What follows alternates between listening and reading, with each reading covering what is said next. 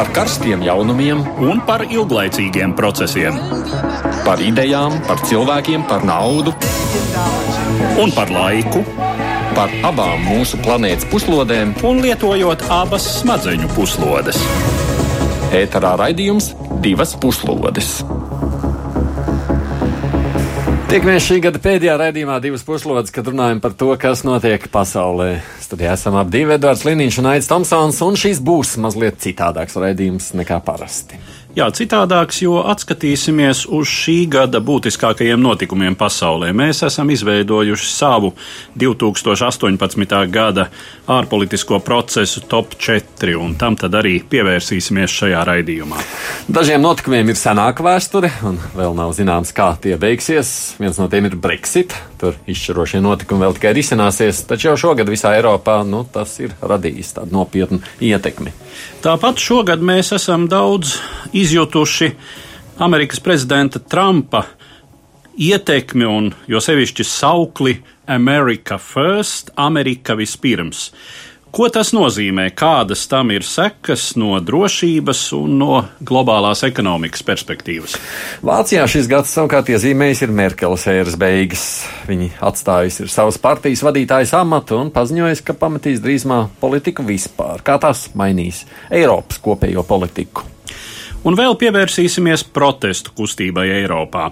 Francijā liela ietekme bijusi dzelteno vestu kustībai, Slovākijā demonstrācijas lika mainīt valdību, Rumānijā gan protestētājiem ar valdības maiņu līdz šim nav veicies, arī Ungārijā. Kādus secinājumus varam izdarīt, lūkojoties uz masveida protestiem Eiropas Savienības valstīs? Klausītāji, kā parasti aicināt arī komentēt, sūtot savas ziņas mūsu raidījumam Latvijas radio viens, arī Twitterī ir iespēja jums nosaukt, kas jūsuprāt ir bijis šis gada nozīmīgākais notikums ārpolitikā. Tas tātad Latvijas radio viens kontā. Izmantojiet iespēju uzrakstiet savus viedokļus. Un šobrīd studijā bez mums ir arī Latvijas radio žurnāliste Ina Strāzdiņa. Labdien! Labdien! Un Latvijas Universitātes asociētais profesors Toms Rostoks. Labdien! Un atšķirībā no citām reizēm mums arī nebūs šoreiz īsās ziņas, jo mums interesē notikumi gada griezumā, un mēs uzreiz arī sākam ar pirmo no mūsu topa tematiem. Šī gada ārpolitikas notikuma apskats nevar iztikt bez Brexit. Līdz brīdim, kad šķirsies Lielbritānija un Eiropas Savienība, ir palikušas mazāk nekā simts dienas, taču īstas skaidrības par to, kā tas notiks, ar vai bez vienošanās, joprojām nav. Novembrī šķita, ka ir atrasts kompromiss, par kuru neviena puse nav laimīga. Taču Britu premjera Terēza Meija sacīja, ka šis ir labākais iespējamais variants, un Eiropas Savienība norādīja, ka šis ir vienīgais iespējamais variants. Bet šobrīd Brexit vienošanās ir iestrēgusi, jo balsojums par to Britu parlamentā ir pārcelts. Tikai pēc tam, kad nobalsojas Lielbritānijas parlaments, var sākties Brexit līguma ratifikācija pārējās Eiropas Savienības dalību valstīs. Taču Lielbritānijā par Brexit vienošanos joprojām ir liela šķelšanās. Mējai nav spēcīga atbalsta ne savā partijā, ne starp koalīcijas partneriem, un pēc iepazīšanās ar izstāšanās līgumu novembrī viņas valdību pameta četri ministri. Šobrīd paredzēts, ka janvārī Britu parlamentā atsāksies Brexit debatas un mēneša vidū gaidāms arī balsojums. Tikmēr Eiropas Savienība pirms Ziemassvētkiem apstiprinājusi rezerves plānu gadījumam, ja Lielbritānija pamatīs Eiropas Savienību bez vienošanās panākšanas par turpmākajām attiecībām ar 27 valstu bloku. Droši vien jau jāatzīst, ka Brexits latviešu interesē arī tāpēc, ka daudz mūsu tautiešus ietekmēs tas. Viss, kas šajā gadā Brexit dēļ tā kā notika, bija kaut kas tā kā negaidīts, vai nav tā, ka mēs to jau pirms gada prognozējām tom? Um, nu es tā precīzi nezinu, kas tika pirms gada prognozēts, jo kurš gan to vairs spēja atcerēties. Bet um, nu, šim procesam ir tāda zināma loģika, jo tas, kas ir noticis Lielbritānijā pēdējā gadu laikā, ir, ka um, nu, tie cilvēki, kur uzskata, ka Eiropas Savienību um, pamest nevajag, tad uh, viņi ir ieguvuši zināmu apstiprinājumu tam, ka, nu, nu redziet, cik tas ir grūti un ar kādām briesmīgām tas uh, sakām tas draud. Savukārt tie, kur vēlējās uh, pamest Eiropas Savienību, tad tie šobrīd ir sašķēlušies divās daļās. Viena ir gatava to Eiropas Savienību pamest bez vienošanās, otri tomēr vēlas pašreizējo vienošanos, iespējams ir vēl kādi trešie, kur vēlas un tā kā labāku vienošanos. Nu, pašreizējā situācijā gan viss sarunās iesaistītās puses pilnīgi saprotamu iemeslu dēļ saka, nu, ka šī ir labākā vienošanās un ka tur neko nav iespējams mainīt. Bet man tā sajūta, klausoties uz to visu, kāda jēga tur divus gadus lauž šķēps tam līdzīgi, es zinu, ka tāpat nekas nesanāks rezultātā. Nā to domu, ka tā vienošanās jau redz neviens īsti negrib atbalstīt. Neviens, nu tā nav, ka neviens, nu, nu kā jā. zināms, tomēr lielākā daļa, lielākā daļa Torija partijas uzskata, ka tā ir laba vienošanās un ka Meija ir izdarījusi maksimumu. Arī opozīcijas partijās nu, ir tādi, kur atbalsta šo vienošanos. Un galu galā, nu, kas, varbūt, kas varbūt liecina visvairāk par labu tam, ko Terēza Meija ir izdarījusi, nu, ka, teiksim, Eiropas Savienībā faktiski iespējamās pretenzijas, kādas, eh, nu, teiksim, tur, tur bija jautājumi par, um, par Gibraltāra robežu un Spānijas interesēm šai sakarā, par zvejas tiesībām. Uh, tas viss tika ātri atrisināts un faktiski palika tas vienīgais, kas, protams, ir sarežģītākais jautājums un klupšanas akmens, un tas ir uh, Ziemeļīrijas un Īrijas republikas robežas jautājums un attiecīgi visas muitas procedūras, kur kādā veidā tās varētu tikt eh, kārtotas, ja Lielbritānija nepaliek muitas unijā ar Eiropas Jā. Savienību. Tā kā, nu, teiksim tā, nav, nekādi nevar teikt, ka tas rezultāts būtu čiks. Nu jā, bet šobrīd tas rezultāts tādā ziņā izskatās čiks. Nu, varbūt, ka vārdiņš tiešām vārds izskatās, sakot, ka nu, nekāda beigās vienošanās nebūs, un tā vai tā dzīvosim katrs pa savām, kādu mācīsim. Jā, nu tas ir miljonu dolāru vērts jautājums šobrīd, jo patiešām uh, Briselē uh, ir ļoti liels uztraukums par 29. martu. Kā tas būs, kad pienāks tā diena, kad teorētiski Lielbritānijai būs jāaiziet?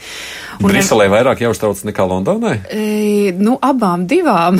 Nē, tas ir paradoxāli, ka Briselē uztraucas tā kā vairāk nekā, nekā Londonā. London. Vai katrā ziņā attieksme ir nu, tā vismaz no mūsu puses šķiet konstruktīvāka un racionālāka. Jā, taisnība. Nu, būtībā lielāks haoss ir Londonā. Tas nu ir skaidrs, jo Briselē viss ir tādā ziņā skaidrs, ka neviens neko netaisās pārskatīt, kā uh, Londona gribētu šo vienošanos tātad.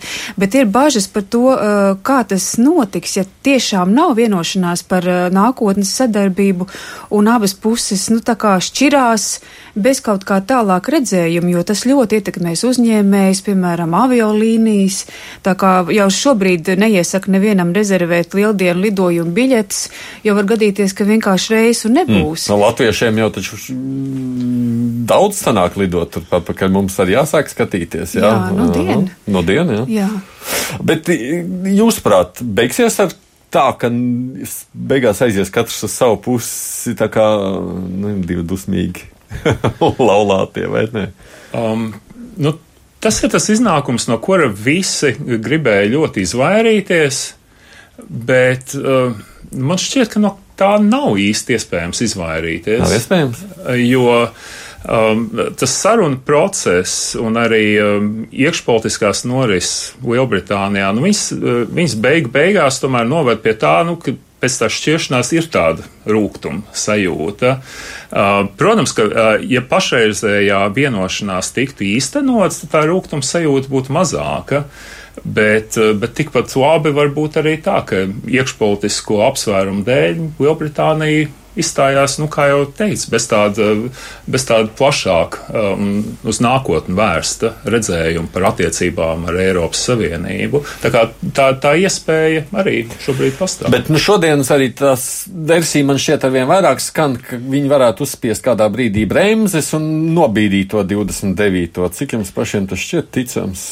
Um, Un, cik, un kāda jēga no tā būtu? Nu, labi, tu pabīdīsi vēl uz gadu, un tu, tur kaut kas jāsaprot. Jau, jāsaprot jau, protams, ir tas, kā ar 29. arī nekas nebeidzas. Jā. Jo faktiski 29. martā stājas pārējais periods. Gadījumā, jā, iestājas pārējais periods, kurā ir jānoslēdz nu, droši vien līgumi. simtiem vienošanos, jā, jā. kas noregulē visas līdzšinējās attiecības, nu citādi. Ja?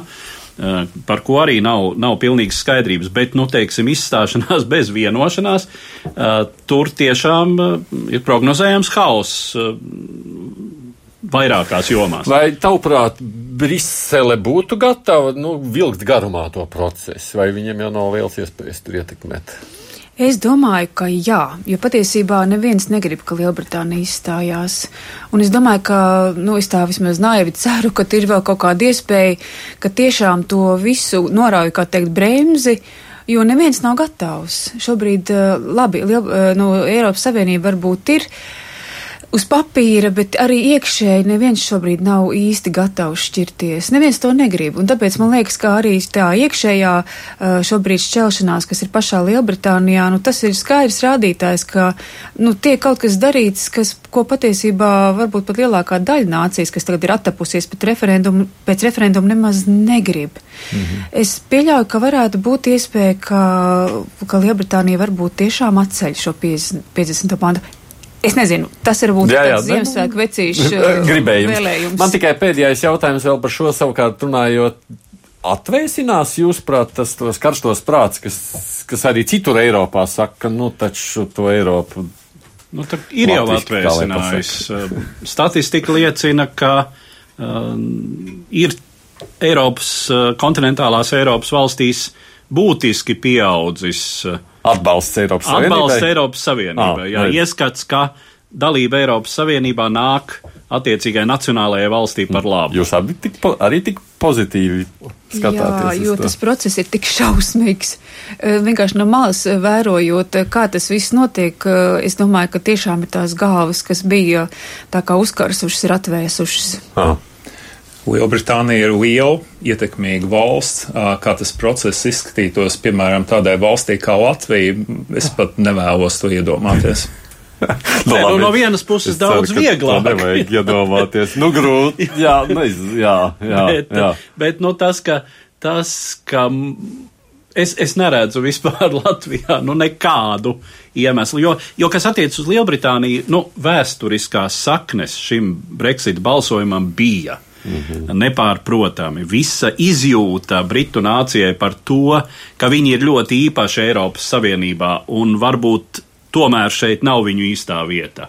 Un ka pastāv Britu sadraudzība, un ka pastāv bijušās kolonijas un saiknes ar tām, un tā tālāk, un tā tālāk. Tas viss, tam visam bija diezgan būtiska loma. Nu, mūsu gadījumā un vairuma citu Eiropas valstu gadījumā Nav nekāda iemesla. Nav, nav labi, lai tā būtu. Man, protams, interesē, kā mēs nākošā gada apskatā runāsim par šo tēmu, jo tas varētu būt šķiet visinteresantākais. Jo pagājušajā gadā man liekas, ka mēs beidzām ar to domu, ka nu, viņiem tur nekas nu, runās, runās, vienoties būs grūti. Nu, apmēram tā. Uh, viss paliks tādā jautājuma zīmē. Tā mēs pirms gada spriedām, tad, kad nebija vēl divas puslodes, bet bija nu, tāds vispārējais gada apskats. Šobrīd man šķiet, ka mēs nemazāk ko nojausam, mēs varam pateikt, kā būs pēc gada. Kad kad mēs pie šī temata atgriezīsimies. Labi, turpinām ar nākamo tematu, ko arī šķiet, kā daži eksperti tā droši prognozēja, kā neizbēgumu šī gada notikuma attīstību. ASV prezidents Donalds Trumps, cīnoties par krēslu Baltajā namā, solīja saviem vēlētajiem, ka viņš Ameriku liks pirmajā vietā. Šogad to labi izjūta gan ASV sabiedrotie NATO, gan tirzniecības partneri. NATO dalībvalstis no ASV prezidenta bieži dzird pārmetumus par to, ka reti kura no valstīm reāli pilda apņemšanos aizsardzībā ieguldīt 2% no IKP. Jūlijā NATO samita priekšvakarā vairāku valstu līderi saņēma Trumpa vēstules, kurās diplomātiski stingrā tonī pieprasīts palielināt drošībai un aizsardzībai paredzēto finansējumu. Pretējā gadījumā jārēķinās ar ASV globālās militārās klātbūtnes mazināšanos. Savus draudus Trumps jau piepildījis. Pirms Ziemassvētkiem vairāk ārzemju mediji ziņoja, ka ASV plāno izvest visus savus karavīrus no Sīrijas un pusi no Afganistānā izvietoto karavīru. Tāpat ASV šogad izstājusies no Irānas kodolīguma, kas paredz samazināt sankcijas pret Irānu, ja tā apturēs savas kodola programmas attīstību. Novembra sākumā ASV atkal stājās spēkā visas tās sankcijas pret Irānu, kas darbojās līdz 2015. gadam, kad tika parakstīts kodolīgums. Jāpiebilst, ka tas neatiec tikai uz Irānu, jo ASV sola sankcijas arī pret tām valstīm, kuras nepārtrauks importēt Irānas naftu un ārvalstu uzņēmumiem, kas slēdz darījumus ar ASV melnajā sarakstā iekļautajiem Irānas subjektiem, tostarp Irānas centrālo banku un privātajām finanšu institūcijām. Savukārt, tirzniecības partneri šogad baudīja paaugstinātus ievadmuitas tarifus. Donalds Trumps bieži sacīs, ka iepriekšējo administrāciju noslēgtie tirzniecības līgumi ir neizdevīgi ASV, un šogad viņš centies to labot. Paaugstinātus tarifus izjuta Eiropas Savienība, Kanāda, Ķīna un citas valstis. Lai arī lielākā daļa valstu spējušas panākt kaut kādu vienošanos ar ASV, nav skaidrs, kādus tarifus nākamgad varētu ieviest Donalda Trumpa administrācija vai no kuras pasaules organizācijas vai līguma draudēt izstāties.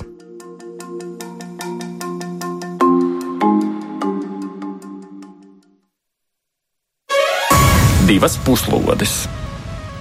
Strāzniņa Toms Rostaks kopā ar mums. Ko jūs sakāt par šo? Kāda ir tā ietekme Trumpa vēlmē vispirms gādāt par Amerikas vajadzībām? Um, es teiktu, ka tur ir jānodala divas lietas. Um, pirmā ir haoss, un otrā ir stratēģija. Um, tas, kas notiek Trumpa administrācijā, ir hauss. Tā kadru mainība un um, izmeklēšana, kas uh, ir uh, vērsta pret uh, Trumpu, un tur daudzas izmeklēšanas. Uh, līdz ar to tādā ziņā rezultāts ir um, hauss. Bet no otras puses, tur ir redzama arī stratēģija, kas ir diezgan saprotama. Un, uh, ja es būtu vidusmēra Amerikas pilsonis, viņa arī būtu diezgan atbalstāma.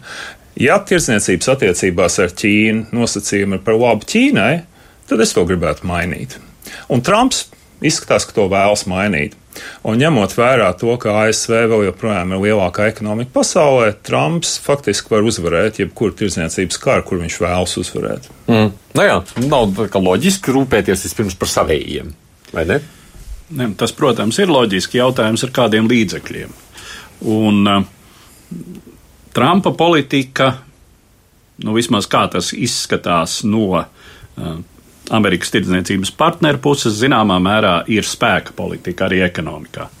Diktāta politika uh, un, nu jā, savu um, superresursu izmantošanas politika, kas lielā mērā ir pretēja tiem principiem, kuras, kurus uh, ieskata par pareiziem, nu, tāpat Eiropas Savienība -hmm. kur tā tad savstarpēji izdevīga un maksimāli no dažādām barjerām atbrīvota tirdzniecības politika, un tas ir nu, tas, kā teiksim, Eiropas Savienība skata pozitīvu attīstību. Bet lūk, tāda pilnīga brīvība rada to, ka kā, kādam iznāk labāk nekā citam. Šajā gadījumā pieminētais Ķīnas variants. Ķīna iegūst vairāk nekā ASV. Nu, protams, kādā brīdī Amerikas, amerikāņi saka, nu, lamāties nedrīkst, bet nu tā. Ne, nu, ar Ķīnu, protams, ir īpašs stāsts, jo tas, kā Ķīna īsteno savu tirdzniecības politiku, nu, tas tā nav brīvā tirgus ekonomika. Tur ir valsts loma un, un tāda brīžiem ļoti interesanta Jā. valsts, totalitāras valsts politikas un brīvā tirgus stila ekonomikas Jā. saplūšana. Un darot visu, lai, lai, lai lai, lai, lai izmantotu šo situāciju par labu, vai ne visādos veidos. Nu, Jā, tā kā pretenzijas pret Ķīnu nav gluži tikai uh, tirdznieciskā izdevīguma līmenī. Tur jau ir arī uh, jautājums par uh, autortiesību, patentu tiesību ievērošanu un tam līdzīgi. Bet par tādu Eiropas Savienībā mēs kādreiz runājam, jā, nu Eiropas Savienība viss vienlīdzīgi un tam līdzīgi, bet reāli jau mēs zinām, ka tur tas protekcionisms vienalga vien ārā, vai tā ir Francija vai kaut kur citur. Nu, nav tā, vai ne? Varbūt Trumps vismaz runā godīgu valodu. Nu, jā, tieši tā, jo ir taču, piemēram, tagad visi raugās uz Vāciju, kas ir uh, ļoti labā ekonomiskā stāvoklī un lūgt un lūdzās, lai Vācija investē citās valstīs, ko Vācija nelabprāt grib. Tā kā, jā, nu, arī ne viss ir tik tīrs, kā tas izskatās. Visur ir tirdzniecības un ekonomikas intereses, bet vienā, vienā ziņā Trumps ar savu uh, agresīvo politiku ir tā kā konsolidējis Eiropu, Eiropas Savienību. Jo, piemēram, tagad Eiropā aizvien vairāk sāk runāt par to, ka pašiem vajadzētu kā, ieguldīt vairāk aizsardzībā, drošībā, ko līdz šim Amerika ir nodrošinājusi. Protams, par NATO jau pieminēto uh, 2% no iekšzemes koprodukta, ko tātad ASV ļoti aktīvi pieprasa valstīm ieguldīt aizsardzības budžetos, ir pirmais jautājums visos, visās sanāksmēs Briselē. Tā kā savā ziņā nā, eh, Trumps ir savā ziņā izdarījis arī tādu eh, gan arī vai tā kā pakalpojumu mm. Eiropai, kas līdz šim bija tāda tā kā atslābus dīvānā ar alus glāzi rokā. Nu, kāds būs tās seks, jo tas šīs dienas paziņojums, nu, kas jau atveram vaļā šodien internetu portālu, tad Delfi tā pirmā ziņa, ja ASV vairs nebūs pasaules policists. Trumps šodienas paziņojums, ja viss, ja Amerikas intereses šajā brīdī ir svarīgāks par nu, pasaules kaut kādām interesēm. Ā, mēs vairs nebūs. Nu, kāds tam būs seks? Um, nu, seks tam varētu būt ļoti dažādas. Tas, tas būs seks gan, gan pašai Amerikai, kur patiešām brīžiem jau izskatījās tā, ka tie amerikāņu karavīri nu, ir vairāk vietu, kur viņi ir, nekā tur, kur viņi nav. Un tad, protams, ir jāuzdod jautājums, vai tas ir um, ASV nacionālajās interesēs. Mm. Nu, tāda ļoti pamatīga iesaistīšanās. Tiklīdz kā kaut kur pasaulē kaut kas notiek, tā uzreiz viss skatās uz Ameriku. Uh, un uh, Trumps uh, jau priekšvēlēšanu laikā ļoti skaidri pateica, ka, ka tas viņu neinteresē. Ja viņš neredz uh, atdevi no, no tā, ka uh, karavīri atrodas uh, citās valstīs un, un, un sniedz ieguldījumu šo valstu drošībā, um, tad um, ASV viņa vadībā nebūs ieinteresēta to darīt. Um, faktiski pagāja divi gadi Uh, kamēr uh, Trumps tagad beidzot sāk pa īstam īstenot to, ko viņš uh, ir solījis priekšvēlēšanu laikā. Jo viņš gribēja karavīrus izvākt no Afganistānas, viņš gribēja karavīrus izvākt no Sīrijas. Um, tas notiek tagad. Iepriekš viņi pārliecināja um, padomnieki par to, ka nevajag atkāpties no, no šīm valstīm, un tagad Trumps uh, nu, ir gūs virsroku Jā. šajā cīņā. Nu, nu, tieši tāpēc man interesē, kāda tam visam sekas būs. Nu, jā, Amerika saka, jā, nacionālās int intereses būtu pāri visam, un ja mēs būtu. Nu, Latvijā mēs arī sakām, nu, ko tad jūs tur kaut kur, kam jums tur daļa gar kaut kādām citām valstīm? Rūpējamies par priekšu par sevi. Jā, nu, tā tas ir laikā kopš otrā pasaules kara, kas savienotās valstis, nu, savā laikā, teiksim, tā sauktajā brīvajā pasaulē, uh, Um, nu, un pēc augstā kara beigām faktiski visā pasaulē zināmā mērā ir pildījuši šo policistu vai žandarmu funkciju. Nu, tāda, tādā vienkāršā metaforā to turpinot, nu, ja policists aiziet, tad, tad ir jautājums, vai mierīgie iedzīvotāji paši kaut kā mēģina nodrošināt kārtību savā ielā, uh, vai tur sāk valdīt uh, kāds uh, huligāns mm. kurš uzspiež citiem savu gribu. Bet, nu, protams, eh, starptautiskajās attiecībās tas viss nav tik vienkārši.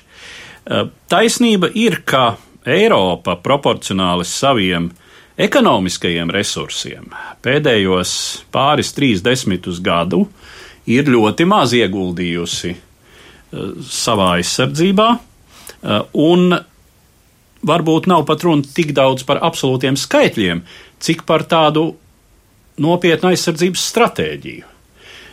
Jo viss ir koncentrējies uz to, ka ir NATO, ir šī Ziemeļatlantijas struktūra, kas faktiski nodrošina Eiropai mm, nu, visu vajadzīgo, vajadzīgo rāmi, kas attiecas uz drošības garantēšanu. Kas izrādās gluži tā nav, jo nu, kaut vai tas, ka Eiropas valstu uh, militārā rūpniecība joprojām ir ļoti uh, sadrumstalota. Tādā ziņā, ka teiksim, standarti, kā izstrādā bruņojumu, kā sevi apgādā Eiropas armijas, kāda ir informācijas koordinācija. Tas viss ir gājis caur NATO un ir, nu, teiksim, Eiropa šajā ziņā nav vienots veselums, atšķirībā no Savienotajām valstīm, Ķīnas vai Krievijas. Hmm. Nu, es arī vēroju nesen gaužām, tā laikam nejaušām ieslēdzot, skatoties, kā Krievijas televīzija uz to reaģēja, sakot, ka nu, viņi nevar saprast, vai tas Krievijai par labu vai par sliktu tagad. ka, ka, ka Trumpa politika ir šāda, jo no vienas puses it kā jā, no otras puses tagad Eiropa pati sāks nostiprināt savas aizsardzības bruņošanos, un varbūt, ka Krievijai būtu ērtāk, ka būtu tikai viens zināmais konkrētais, par kuru jāuztraucās, nevis tagad nezinu, kurš tālāk ir nākošais uh, kārtības sargātājs pasaulē. Nē, nē, nu ir kaut vai skatoties uz to pašu Sīriju, no kurienes Savienotās valstis tagad ir nolēmušas aiziet. Uh, tā ir no Savienotajām valstīm ļoti tāla pasaules daļa, ko nebūtu nevar teikt par Eiropu. Eh, Eiropas Savienības teritorija atrodas dažu simtu kilometru attālumā no Sīrijas. Tā ir Kipra. Mm. Pa jūru tur ir pārsimts kilometri. Ja? Eh, attiecīgi Eiropa, Francija kā bijušais koloniālais pārvaldnieks, bet arī pārējās Eiropas valstis ir diezgan vitāli ieinteresētas, lai Sīrijā nu, tā vai citādi tiktu nodrošināta stabilitāte. Mm. Tas jūklis, kas tur tagad pilsoņu kara rezultātā ir, nu, mēs visi zinām uh, stāstu par bēgļu masām, ja par bēgļu krīzi pirms dažiem gadiem. Uh, to izdevās nobremzēt, noslēdzot līgumu ar mm, Turciju, uh, kur, teiksim, apmaiņā pret Eiropas naudu Turcija patur bēgļus pie sevis. Bet uh, jebkurā gadījumā uh, tiek runāts par to, ka amerikāņu aiziešana sāsina problēmu par to, uh, vai, vai izdosies līdz galam piebeigt tur tās radikālās islāmistiskās kustības, kas ir, -hmm. kas ir Sīrijā, uh, kā risināsies visi jautājumi starp Turciju un Sīrijas kurdiem un tā tālāk. Un tā tālāk. Atsakot, smaguma centri pārvietosies nākošajā turpmākajā Eiropai laikā. nāksies iesprīt. Nu, no otras puses, jā, šis ir vēl viens temats, par ko mēs laikam runāsim nākošā gada nogalē, skatoties, kādas tam ir bijušas savukārt sekas. Ejam priekš! Ejam priekš! Atgriežamies Eiropā. Nākamajās minūtēs uzmanību pievēršam Vācijai. Kad Baltonamu pameta Baraks Obama, daudzi par brīvās pasaules līderi nosauca Vācijas kancleri Angelu Merkeli. Viņa ir pirmā sieviete, kas Vācijā ieņēmusi kanclera amatu un 13 gadu laikā, kopš stāšanās amatā, bieži titulēta par ietekmīgāko sievieti pasaulē. Merkele dzimusi 1954. gadā. Viņas pirmā profesija ir ķīmiķa, bet politikā Merkele iesaistījās 1989. gadā. Gadu pēc Vācijas apvienošanas, 91. gadā, viņa kļuva par sieviešu un jaunatnes lietu ministri kanclera Helmuta Kola vadītajā valdībā. 1994. gadā viņa ieņēma vides ministres krēslu, bet 98. gadā šo amatu pameta. Pēc Kristīgo demokrātu sakāves vēlēšanās viņa kļuva par partijas ģenerālsekretāru un 2000. gadā tika ievēlēta par partijas vadītāju, bet 2005. gadā kļuva par Vācijas kancleru un šo amatu saglabājusi līdz šim brīdim. Rezervēta ar stingru mugurkaulu Eiropas Savienības de facto līderi. Tā bieži tiek aprakstīta Merkele. Viņas pieņemtie lēmumi tikuši gan slavēti, gan pelti, bet viņas un Vācijas kristīgo demokrātu popularitāti visvairāk grāvis Merkels lēmums 2015. gadā atvērt robežas bēgļiem no Sīrijas. Gada laikā Vācijā ieradās vairāk nekā miljons migrantu, un tas izsauca neapmierinātību daudzos vāciešos un atbalsojas arī lielā daļā Eiropas. Oktobra beigās Angela Merkele paziņoja, ka 2021. gadā vairs nekandidēs uz kanclera amatu un decembrī atkāpsies no Kristīgi Demokrātiskās Savienības vadītājas amata. Partijas vadītājas vietā decembra sākumā tika ievēlēta Anna Grēte Krampa Kārenbauvere, kuru daudz uzskata par Merkels mantinieci, kas varētu turpināt viņas uzņemto politisko kursu. Atgādājot, studijā bez mums ar Eduardu Liniņu arī ir Latvijas raidījuma žurnālists Tīna Strasdiņa un Latvijas Universitātes asociētais profesors Toms Rostaks. Tā jūsu versija, Merkeles politiskās ēras noriets, ir tomēr tāds īpašs šī gada notikums pasaules, vai tas tomēr nav tik svarīgs? Ina? Es domāju, ka noteikti ir, jo tas, kā to arī atspoguļoju Eiropas un pasaules mēdī, jau bija saprotams, ka tā ir sensācija savā ziņā, jo uh, par Merkeli rakstīju, nu, tiešām uh, pēc viņas paziņojuma gandrīz, jāteic, visi, visi ietekmīgākie mēdī un arī ar tādu uh, pozitīvu noti, eh, jo aiziet eh, tiešām politiķis, kurš eh, ir ietekmīgs ar vārdu, var piekrist un nepiekrist viņas darbībai, bet cilvēks, kurš katrā ziņā ir mainījis vēsturi. Un Merkeli ir šobrīd Eiropas Savienībā uh, nu, eh, neoficiālā Eiropas Savienības padomas vadītāja. Mums ir Donalds Tusks, kurš ir, kurš ir, kurš ir īstais eh, šīs eh, tātad valstu vadītāju šīs kopienas līderis, bet nekāda kustība un, un, un lēmumi nevar tikt pieņemti bez Merkels būtībā akcepta. Būsim paši pret sevi atklāti. Tā ir. Mm. Nu, viņa ir, viņa ir galvenā politiķa, un viņas aiziešana tiešām rada daudz jautājumu kurš uh, sekos vai Kārenbāvera būs tikpat ietekmīga, jo uh, parasti ir tā, ka tas Vācijā, kurš uh, vada politiķis lielāko partiju, arī kļūst par premjeru, un tad jāredz, kā veidosies vēlēšanu situācija. Bet Merkels aiziešana vienlaikus ir satraucoša un vienlaikus arī ļoti interesanti tiešām, kā veidosies tālākā politika, jo mēs redzam, ka Makrons īsti nevar būt viņas sekotājs, jo viņam pašam šo šobrīd iet smagi mm. Francijā. Tā kā, jā, Merkels aiziešana rada ļoti daudz jautājumu, bet es pateikšu godīgi, man arī bija, mēs tā kā visu to gaidījām Briselē, Briseles žurnālisti, bet uh, tad, kad nāca šis paziņojums, tad tā bija tāda ziņa, ka, no kuras tev tāds ceļās adrenalīns, jo tu saproti, ka notiek kaut kas liels. Mm. Kāds sajūts to man pašam?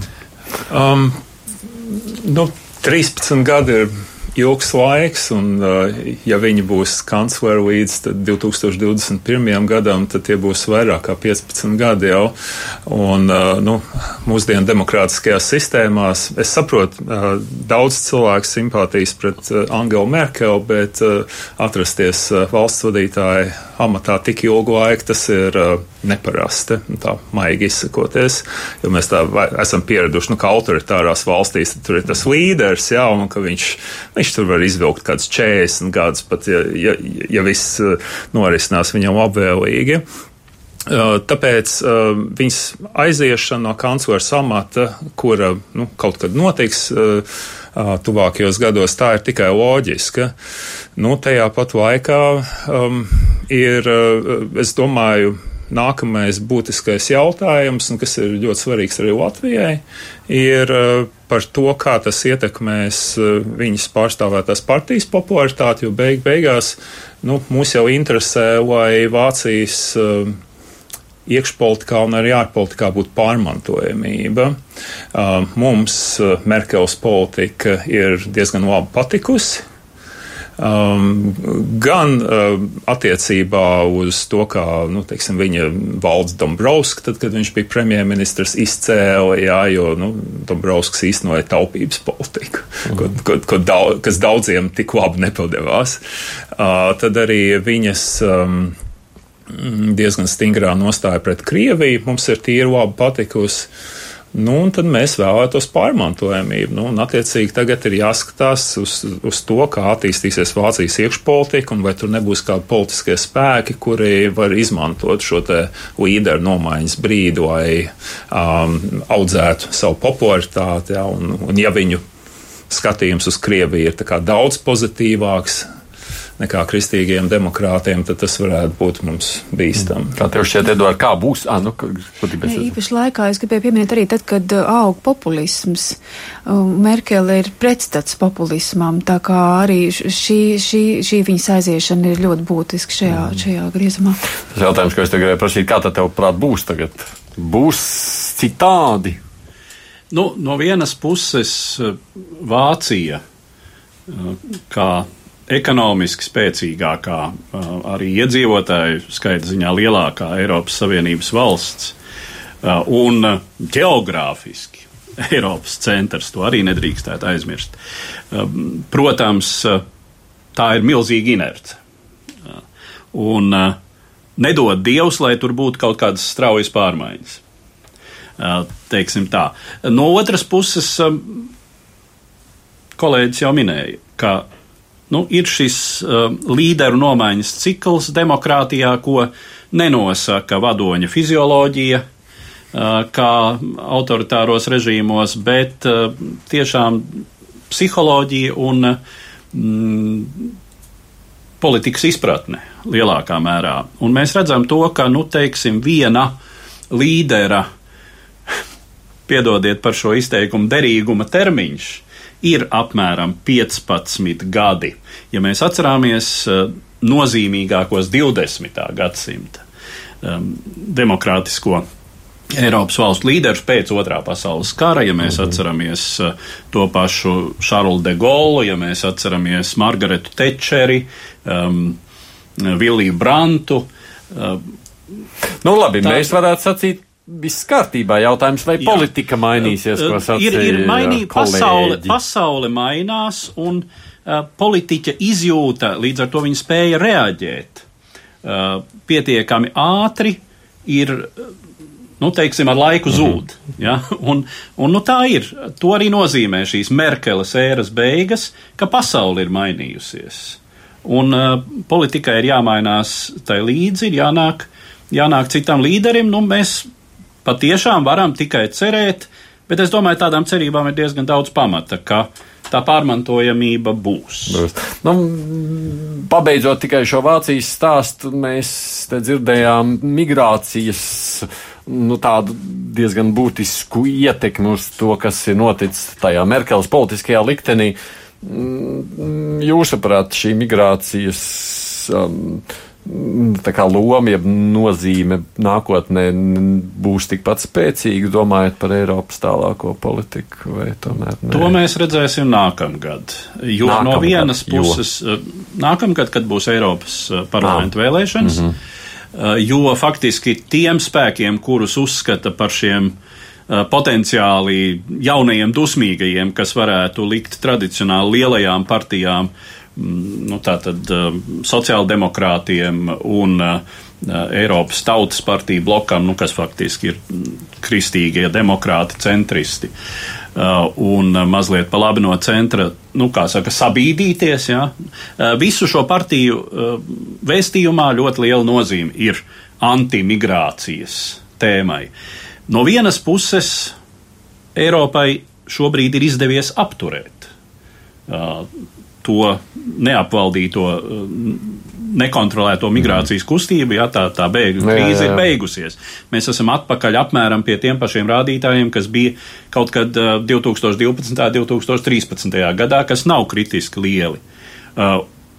Faktiskais pamats ir zudis, bet, protams, emocionālie pēcgrūdieni turpinās. Šīs partijas ir guvušas popularitāti, šur un tur tikušas varā, -hmm. Itālija, Austrija, šur un tur ļoti tuvu varai, Zviedrijā grūtības izveidot valdību, jo divas tradicionāli lielās partijas negrib ņemt valdībā -hmm. šo radikāli labējo spēku, kas ir tā sauktie Zviedru demokrāti, un arī Vācijā, kur šī alternatīva Vācijai spēja izdarīt diezgan nopietnu spiedienu uz tradicionālo politisko uh, partiju struktūru.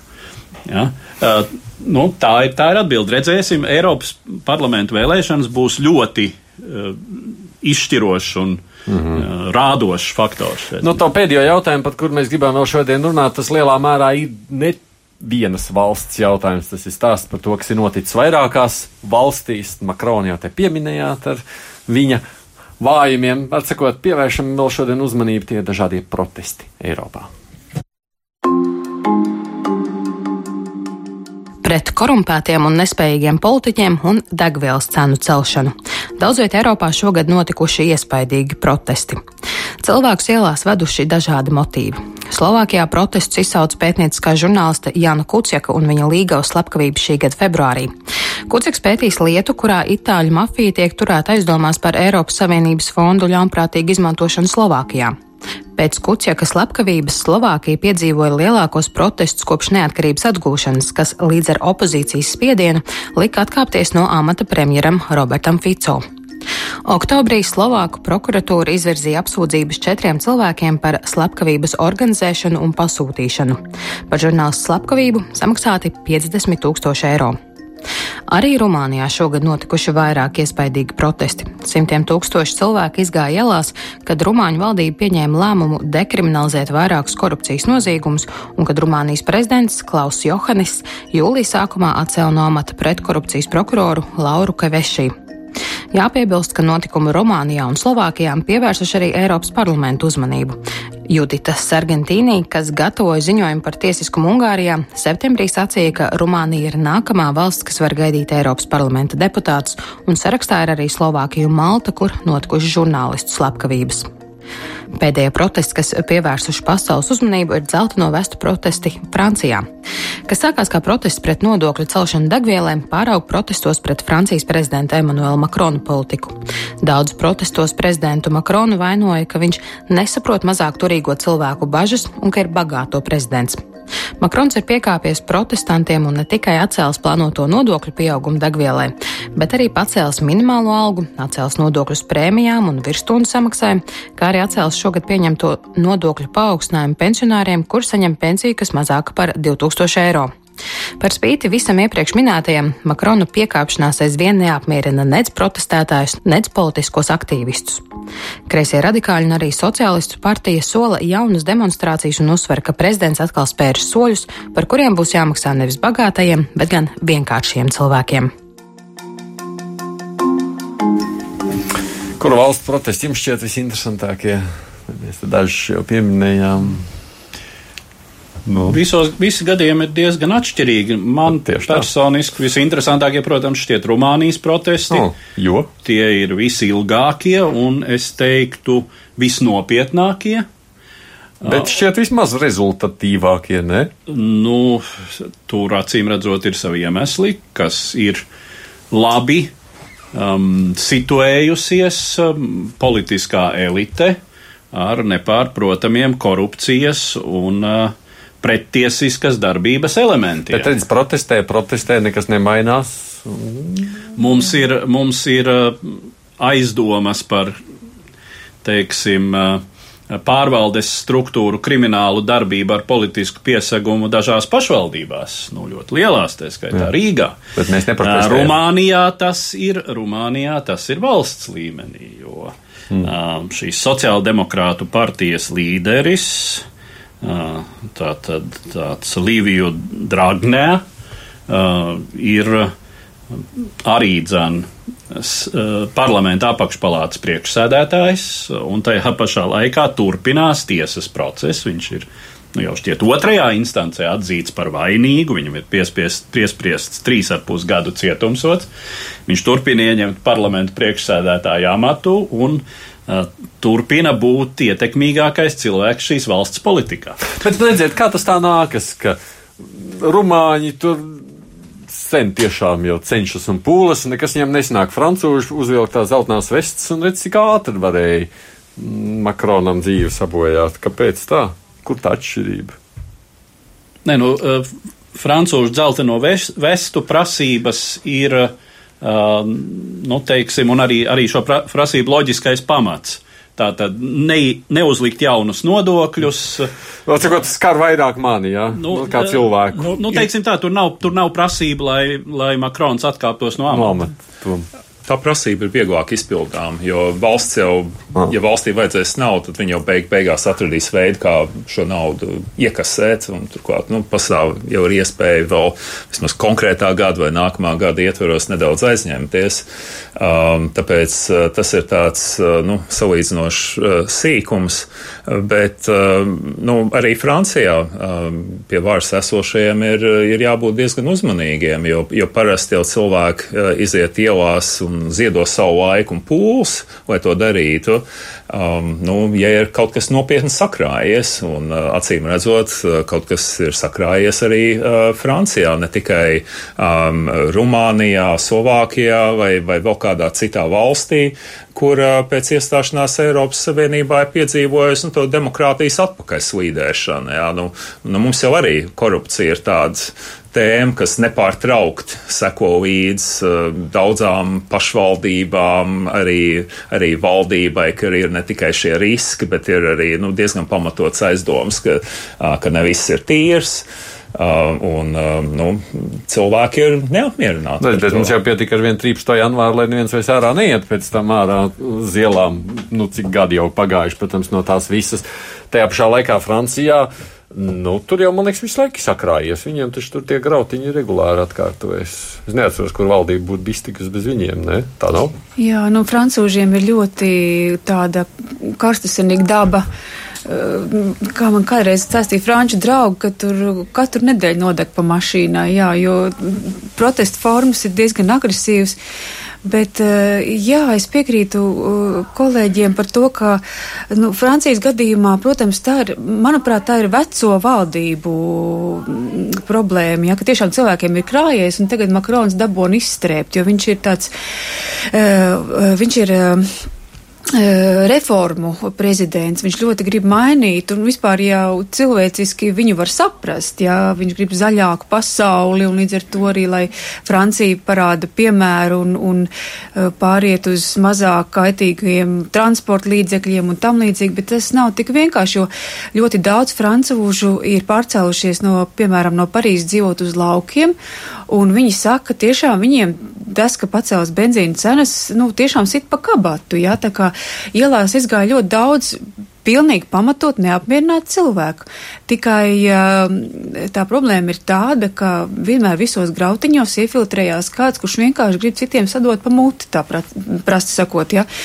Un vēl tas, kas bija interesanti un pašai bija ļoti interesanti to vērot, kā šo situāciju izmanto Eiropai nedraudzīgi spēki, ja, kā piemēram vairākos simtos Twitter kontu atklājās mudinājumi doties un graut tiešām plosīties, un šie Twitter konti bija simpatizējoši Kremlim vai pat mm. Uh, visādā veidā Kremļa atbalstoši.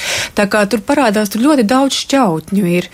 Un vēl par Rumāniju, ja es tā drīkst pārlikt no temata uz tematu, jā, jā. Rumānija būs nākamā Eiropas Savienībā prezidējošā valsts nākamajā pusgadā, un tāpēc arī tā korupcijas lieta ir kaut kas tāds, ko jau tagad ļoti pārmet Rumānijai arī žurnālisti rakstot par, par to, kā Rumānija gatavojās prezidentūrai, ka tā ir tāda milzīga problēma, un, piemēram, kāpēc Rumānija joprojām atpaliek no Bulgārijas, piemēram, eiro ieviešanas vēlmēs, nu arī šā paša iemesla dēļ. Nu, man liekas, tā viņiem ir tāda mūžīgā nelaime. Man vēl pašam savukārt interesants šķiet tieši šis uh, Slovākijas jautājums, ja gadījums, jo, nu, Slovākija nelikās nekas tāds, nu, tāds. Tāpat tāds, kā Latvija karš. nelikās līdz uh, ABLV un dažām ah. citām ar bankām saistītām problēmām. No, bet viena ielā neizgāja, bet redz, ka var, cilvēki var stāvēt ilgstoši arī politisku prasību dēļ, ne tā kā Francijā. Jā, jā, un uh, nu, es domāju, ka žurnālists slepkavība tā ir tā robeža, kad uh, nu, patiešām ir, nu, tad ir jāiet ielās, jo, jo tur kaut kas nav kārtībā.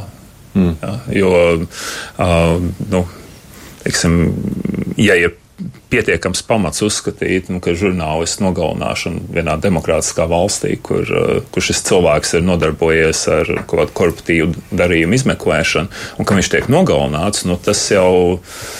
Um, nu, uh, tas ir ļoti, ļoti nopietns simptoms, jo uh, mēs arī uh, tīri labi zinām, kā, uh, kā šis mehānisms strādā. Nogalinās dažs žurnālists, un pārējie sāks rakstīt nu, vienkāršāk. -hmm. Jā, nu, teiksim, nu, nu, Krievijā jau šī gadsimta pirmaj, uh, pirmajos gados bija tā žurnālistu slepkavības, kas bija diezgan daudz. Un pēc tam viss nomierinājās. Jā, un žurnālists saprata aptuveni, nu, kāda ir viņu loma šajā sistēmā. Un tad jau arī nav vajadzība nevienu vairs novākt, bet zaudētāji ir sabiedrība, protams. Jā. Nu, no tāda viedokļa man atkal tieši Slovākija imponē, imponē visvairāk, ja patīk tas, ka šeit sabiedrība nelikās mierā, arī tādas idejas dēļ, ne tāpēc, ka tā ir tava kabata šajā brīdī, bet idejas dēļ.